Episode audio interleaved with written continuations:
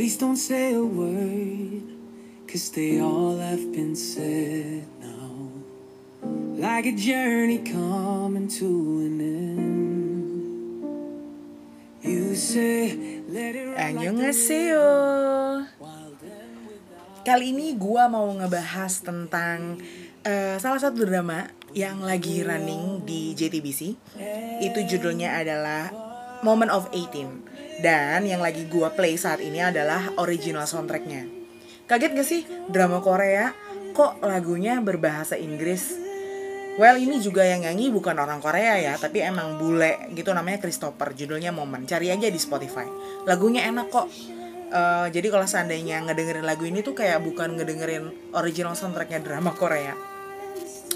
So gue mau ngebahas drama Moment of 18 ini yang lagi running sekarang di JTBC Kalau nggak salah sih sekarang itu udah masuk ke episode 12 Dan drama ini drama eh, perdananya dari Ong Song Woo sebagai aktor. Jadi ini drama yang sangat sangat sangat gue tunggu. Karena gue pengen tahu banget gimana aktingnya dia sebagai pemeran utama. Selain ada Ong Song Woo, di sini juga ada Kim Hyang Gi. Kim Hyang Gi tau lah ya, dia tuh aktris cilik dulunya, tapi sekarang sudah menjadi remaja dan sudah membintangi drama-drama eh, yang ada-ada kisah-kisah cintanya.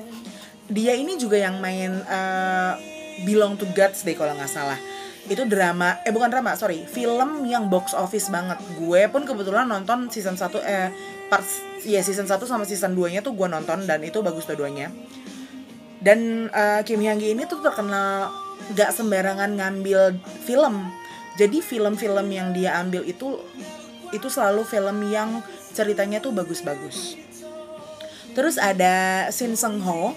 Shin Seung Ho ini kalau nggak salah main di drama 18 dan web drama ya, web drama 18 itu tuh hits banget di Korea. Terus ada Kang Kyung, dia itu berperan jadi gurunya anak-anak ini. Karena ceritanya ini sekitar sekolah ya, tentang kehidupan anak-anak atau orang di umur 18 tahun eh, bukan cuma sekedar kisah cintanya aja di sini yang diceritain tapi juga tentang eh, gimana sih eh, mereka itu di umur 18 tahun tapi bisa mengambil keputusan-keputusan besar di untuk hidupnya nanti. Karena di masing-masing karakternya ini tuh kayak punya masalah pribadinya sendiri-sendiri. Gue bahas dari si Ong Sang Woo dulu yang memerankan sebagai Choi Junwoo. Jadi si Choi Junwoo ini adalah eh, anak yang terlahir di eh, luar pernikahan. Jadi tuh kayak kecelakaan gitu loh. Ibunya sama bapaknya dia itu memiliki si Choi Junwoo itu ketika mereka umur 18 tahun. Gitu. Jadi eh, si Junwoo ini grow up itu cuma sama ibunya. Akhirnya dia itu jadi kayak anak yang pendiam, nggak bisa mengekspresikan eh, feelingnya dia, orangnya manut-manut aja, lebih ke diem aja.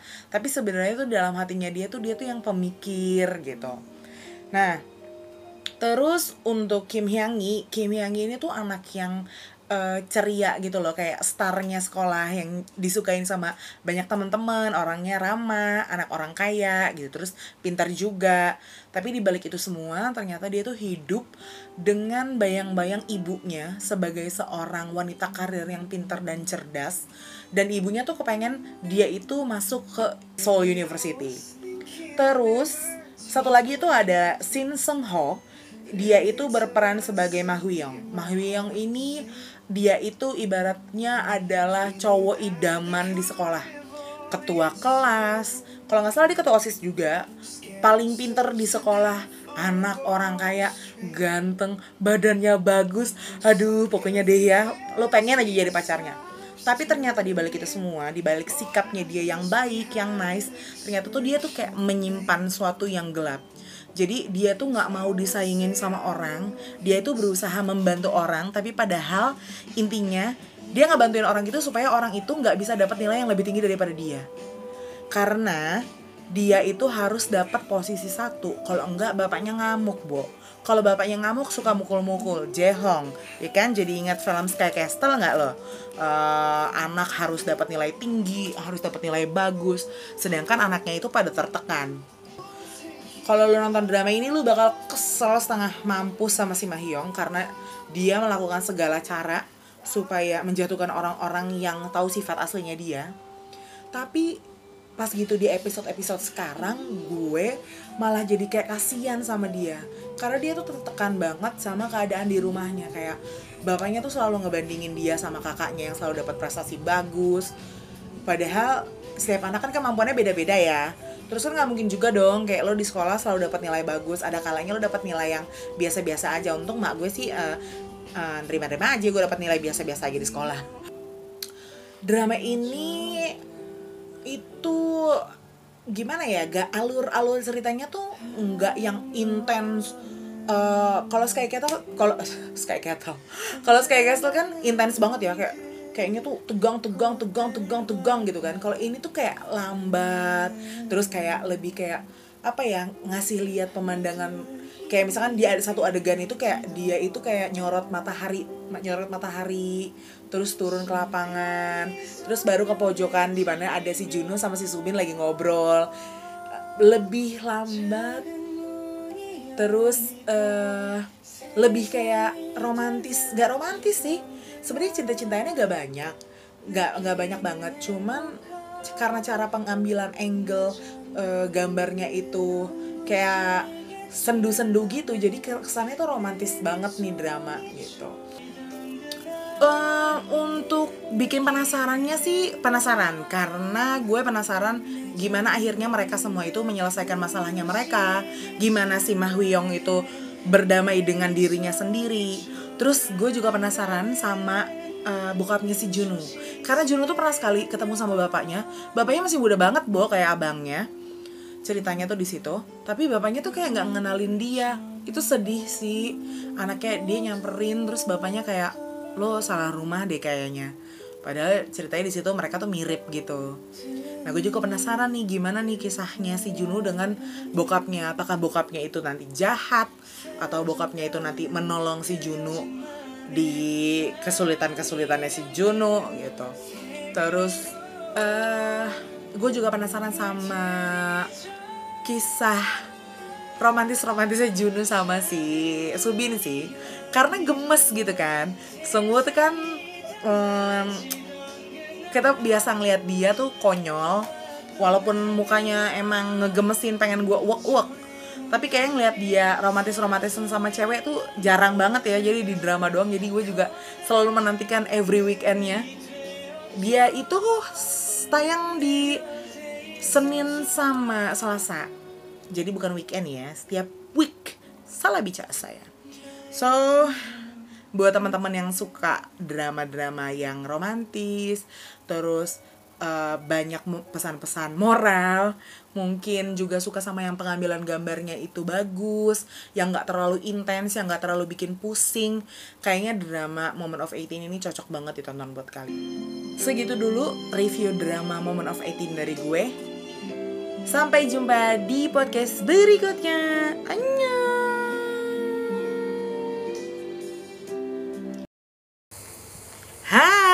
Udah lama banget kayaknya dari terakhir kali gue bikin podcast. Nah, sekarang gue itu mau ngomongin topik yang sebenarnya gue tuh udah lama banget pengen bikin karena gue itu suka banget nih sama acara ini. Tapi kalau gue ngomongin sendirian tuh nggak enak. Jadi gue sekarang bawa temen nih. Ada siapa kak? Halo guys. Kenalin gue Abel. Uh, ini yang disebut tandemannya dia sebenarnya sih lebih kayak ke arwah penasarannya dia sih ya. Kenapa arwah penasaran uh, ya? uh, saya tuh jadi bucin gara-gara dia nih karena acara ini nih. Kebetulan jadi uh, hangat banget di persahabatan yeah, kita ya. alhamdulillah. alhamdulillah banget alhamdulillah. ya jadi kita tuh kayak lebih kayak pacaran ya. Uh, uh, ya Kayaknya setiap jam kita tuh WhatsAppan tuh DM DM uh, uh. ngomongin ini. Tukeran konten, tukeran Betul. konten. Hmm. Konten apa sih, Bel? Uh, Did you know Produce? Shout out to Produce, acara dari Mnet. Ya, siapa sih yang nggak tahu Produce ya kan? Uh, uh. Bebek. Uh, Produce tuh uh, acara apa sih, Budaya? Produce itu sebenarnya acara pencarian bakat. Jadi yang gue tahu nih ya, Produce itu adalah jadi dari semua manajemen. Kalian tau lah ya kalau seandainya lo mau jadi artis atau idol di Korea, kalian itu kan harus trainee di bawah suatu manajemen. Nah si Mnet ini dia tuh jadi mewadahi manajemen-manajemen ini. Mereka tuh kayak bikin satu acara, mereka tuh kayak Indonesian Idolnya versi Korea yep, gitu. betul banget. Untuk mendebutkan 11 orang terpilih Mm-hmm. Nanti mereka bakal jadi kayak grup superior tapi temporary nih. Mm-hmm. Kalau yang season pertama tuh berapa tahun ya Bel? Uh, kontraknya itu satu tahun. season pertama itu kontraknya satu tahun Se- eh, pertama tuh satu tahun Satu ya? tahun, Oke, satu tahun. satu tahun. Kalau yang season kedua itu satu setengah tahun. Iya, betul. Yang season ketiga yang produce 48 itu eh, dua setengah tahun dua setengah tahun. Bomnya yang ini berapa tahun? Yang lima tahun yang terakhir lima tahun. untuk produce X emang debak ya Mnet ya luar Juara. biasa Karena dia tahu eh, semua jebolan-jebolan produce grupnya itu nggak ada yang bikin rugi. iya betul Semuanya tuh untung. Jadi ya lama-lama aja dikekepin Heeh, gitu. betul. Sebelumnya gue mau cerita dulu. Produce itu udah ada 4 series sebenarnya. Jadi yang pertama itu adalah Produce 101 season 1 itu cewek-cewek. iya betul Terus yang kedua produce uh, One on One season 2 cowok-cowok cowok. Yang favorit favorit cewek-cewek ya Eh, pasti. eh, kayak kita kita ini Heeh, kan? Eh, eh. yang ketiga itu ada Produce 48 jadi ini kayak global gitu loh Eh, jadi Oke. targetnya itu global jadi si Mnet nih eh, kayak semacam duet nih sama agency dari Jepang Agensinya itu yang- timnya si AKB Eh, eh, kayak yang membawahi yang- HKT, yang- NMB ah, gitu. Yang 4848 sayangnya. Eh, eh, targetnya J- emang global lah pokoknya. sayangnya JKT nggak ikut ya, karena dia bukan Jepang. He he he he gitu kan masa. Oke. Terus yang eh, season terakhir ini yang keempat itu cowok-cowok lagi. Namanya agak beda. Ini Produce X 101. Sebenarnya sama aja, cuma dibedain aja biar Iya. gak sama-sama banget. Biar lebih menjual gitu loh, Nah, nggak boring Yang ini konsepnya. juga cowok-cowok juga ya. eh, cowok-cowok. Lagi-lagi menjadi favoritnya perempuan-perempuan. Benar itu dia. Oke, kita balik ngomongin ke season yang pertama. Untuk yang season pertama itu di tahun berapa sih Bel? Eh, season pertama itu mulainya itu kalau nggak salah 2016 ya. 2016, oke. Heeh. 2016 jadi mereka debutnya itu di bulan kalau nggak salah April deh Jarak, pokoknya intinya mereka itu kayak syutingnya tuh kayak cuman 100 hari. iya tiga bulan Tiga bulan. tiga mereka bulan tuh syutingnya tuh cuma tiga bulan. Mm-mm, Habis dari tiga bulan itu mereka tuh kayak ada eh, apa namanya di eliminasi, Iya. eliminasi, eliminasi gitu. Dan setiap seasonnya itu yang ini kan sebenarnya intinya tuh lo pengen cari eh, senternya kan. Nah untuk jadi center itu mereka tuh kayak bikin setiap episode tuh kayak ada challenge challenge gitu kan. iya betul mereka tuh namainnya tahap evaluasi gitu Nah. evaluasi konsep gitu Nah ngomong-ngomong soal Prodi season 1 nih Bel. Kalau lo jagoannya siapa? eh first pick gak sih? Jadi gini, eh, kalian pasti kenal lah ya first pick. First, first pick itu kayak dimulainya acara tuh siapa yang nyorot perhatian tuh siapa? Kalau gue sih jujur John Somi sih, karena gue tahu dia dari 16 sebenarnya karena kan eh, dulu pas mereka datang audisi agency itu kan ya siapa mereka gitu gue nggak tahu tapi yang gue notice adalah Somi dan anak-anak jellyfish Anak-anak jellyfish ya, karena Iya. mereka jellyfish ceria-ceria banget ya waktu dan situ ya. emang kayak udah mateng gitu pengen Iya. jadi artis gitu ya Sejong, Mina, Nayong tuh kayak wow gitu Kalau gue, Sejong sih. Oh, Dari iya awal pas sih. gitu pas gitu si audisi itu, nggak tahu kenapa ya, gue tuh selalu uh, attract ke, maksudnya selalu suka sama orang ketika dia senyum tuh kayak, ih lucu ya nih orang gitu, mau Hmm, cewek hmm, ataupun hmm, cowok gitu ya. Jadi pas gitu gue ngeliat Sejong, ih senyumnya lucu nih cewek gitu. Jadilah gue pilihnya tuh si Sejong pertama kali gitu. Terus Bel, seiring berjalannya waktu dengan evaluasi-evaluasi itu kalau lu jadi milihnya siapa? Eh, gue tetap mempertahankan pick gue Somi tapi bukan dia yang jadi first pick gue yang jadi pusat perhatian gue adalah Choyojo dari Fantaji Oh, Fantaji Yojong Iya, gue menganggap kayak dia tuh orander gitu. Maksudnya kayak Dia dia, tuh siapa? ya. Sebenarnya sih dia dapat perhatian karena dia jadi center ya, Iya. center pick me Oh kan. iya, jadi sebenarnya gini, setiap lagunya pro, eh, Oh, iya, setiap betul. uh, produce produce season 1 2 3 4 itu dia tuh punya lagu theme Iya, songnya sendiri. Iya, title track kayak, gitu. Kayak, kayak menuju puncak ya Fluffy ya. menuju puncak gitu. Pasti tahu lah. Nah, kalau seandainya di produce ini, itu tuh lagunya tuh yang pick me pick me gitu Iya, lah, semuanya pick pick me. Pokoknya intinya pilih gue, pilih ah, gue judulnya. gitu. Cuman terus dia tuh ada center ya, Iya, ada pemilihan untuk Hmm. menjadi center title tracknya itu. Dari ujung ini kebetulan jadi Centernya. ya. gitu. Kalau gue ya, kalau gue sih Cungha. Oh iya sih. nangis gua kalau Cungha Iya. nggak debut Wah, wah. masalahnya Cungha tuh kayak dia tuh all-rounder banget tapi orang tuh nggak ada yang notice dia notice gitu dia ya. karena Heeh. dari, dari, Underrated oh, dari segi umur dia udah udah lebih lebih dewasa dibanding yang Hmm, lain betul. terus udah gitu dia juga kayak eh, gak cantik yang tipe flower girlnya Korea dia tuh lebih kayak girl crush gitu Iya, gak sih betul, betul, iya betul. kan terus suaranya bagus sebenarnya gue dulu nggak tahu dia suaranya bagus gue cuma tahu dia dance nya oke Oke banget. banget. ternyata sekarang ngeliat dong dia Iya, karirnya. karirnya oke banget sih After this band oke lah ya juga. Nah, terus ada lagi di produce ini tuh ada lagu. Jadi Jadi kayak eh, produser-produser di Korea itu bikinin lagu, project-project gitu di grup-grup gitu Uh-uh. buat mereka evaluasi, Mm-mm. evaluasi gitu dinyanyiin sama mereka. Nah dari semua lagu itu lo paling suka yang mana? gue sih yang paling nyantol sampai sekarang di gue tuh fingertips sih Oh iya iya, catch you on my hips, catch you on my lips. Say. gitu Gila gue masih tahu lagi. iya ya ampun terharu 2016 ya. iya sama yam yam sih ya Oh iya iya. Itu. iya. gimme gimme gimme Ya, that iya, gitu iya. Heeh, kayak lucu gitu ya gue selalu nggak pernah gue tuh orangnya nggak tahu judul tapi tahu Oh, lagunya iya baik gue sebenarnya mau nyebutin tuh yang satu lagi. Nah tapi gue nggak tahu judulnya. Gue suka yang kanana Iya. kata gue seso. ya itu kayak lagu favorit se Korea itu deh kayaknya. itu judulnya apa ya? Iya, coba tolong ini? dicari di apa itu judulnya ya? Ya setelah kita menggoogle jadi ternyata judulnya adalah at the same place. Ya itu lagunya ini enak banget. Enak banget lagu Ah, nah apa namanya? Dia itu juga jadi juaranya ya pas Iya, kita lagi betul, evaluasi betul. konsep. Nah lanjut ke line up debut nih Mm-mm.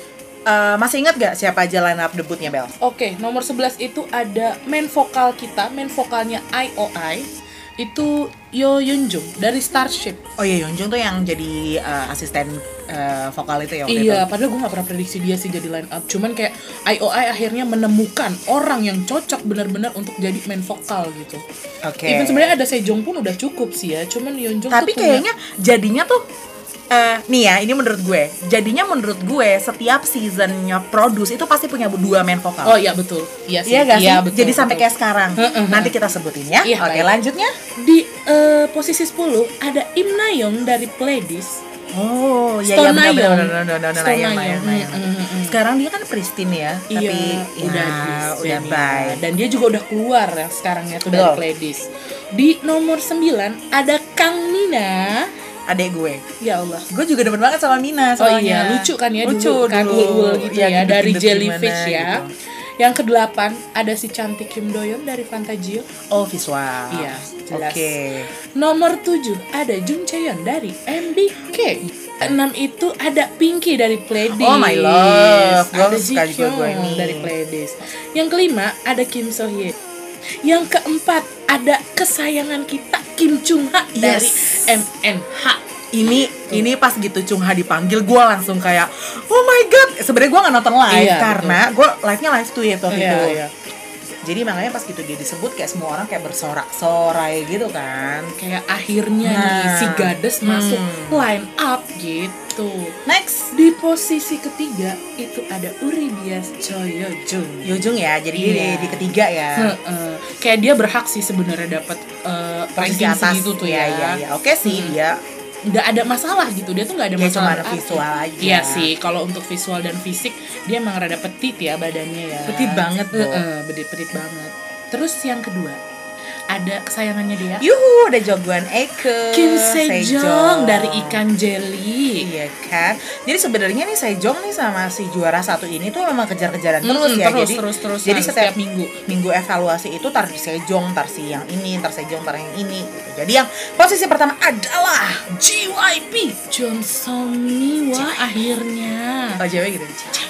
Iya sebenarnya sih gue kayak gimana ya dia menang tuh kayak oke dia menang gitu tapi emang banyak yang kontra juga Iya karena banyak yang kontra karena menurut orang-orang ini bukan karena si Sejong biasa Iya, dua ya, iya, tapi betul, kayak betul. orang tuh lebih banyak yang lebih Sejong tuh lebih kompeten Oh, gitu lah untuk ya jadi center Heeh, gitu cuman emang si menurut gue si Somi tuh kayak punya eh, apa ya Popular- package lah iya. ya package untuk jadi seorang center gitu visualnya iya sih oke banget. karena kan dia setengah londo gitu kan rodo-londo ya. Heeh, jadi yang di Korea tuh yang kayak gitu emang hype banget. Kalau udah setengah-setengah bule tuh taruh deh lo paling depan tenar grup lo Iya katanya benar. gitu. Kayak season pertama tuh bener-bener hype banget di Korea kan Bel. Iya hype. Cuma pas awal-awalnya tuh kayak pasar tuh masyarakat tuh nggak ngecap acara Mnet ini kayak ngejual Iya, gitu karena sebenarnya. mereka semua pikir ini acaranya bakalan kayak JKT eh bakalan kayak AKB40 or F48 gitu loh yang kayak gue nggak ngerti sistemnya gimana cuman banyak K-net katanya berpikir apaan sih acaranya ngikutin Jepang ternyata Iya. tuh konsepnya beda beda beda banget beda Nah, banget. akhirnya karena acaranya oke banget bikinlah mereka ini Si Ade season 2 yes dan ini tendensinya adalah laki-laki pasarnya. Loh, hmm, udah Emang Mnet tuh kan? pinter. Dia udah tahu nih yang season pertama perempuan aja pasarnya bagus, apalagi laki-laki. Pengen tahu kelanjutan cerita produce 101 Season 2. Tungguin podcast gue selanjutnya ya. Annyeong!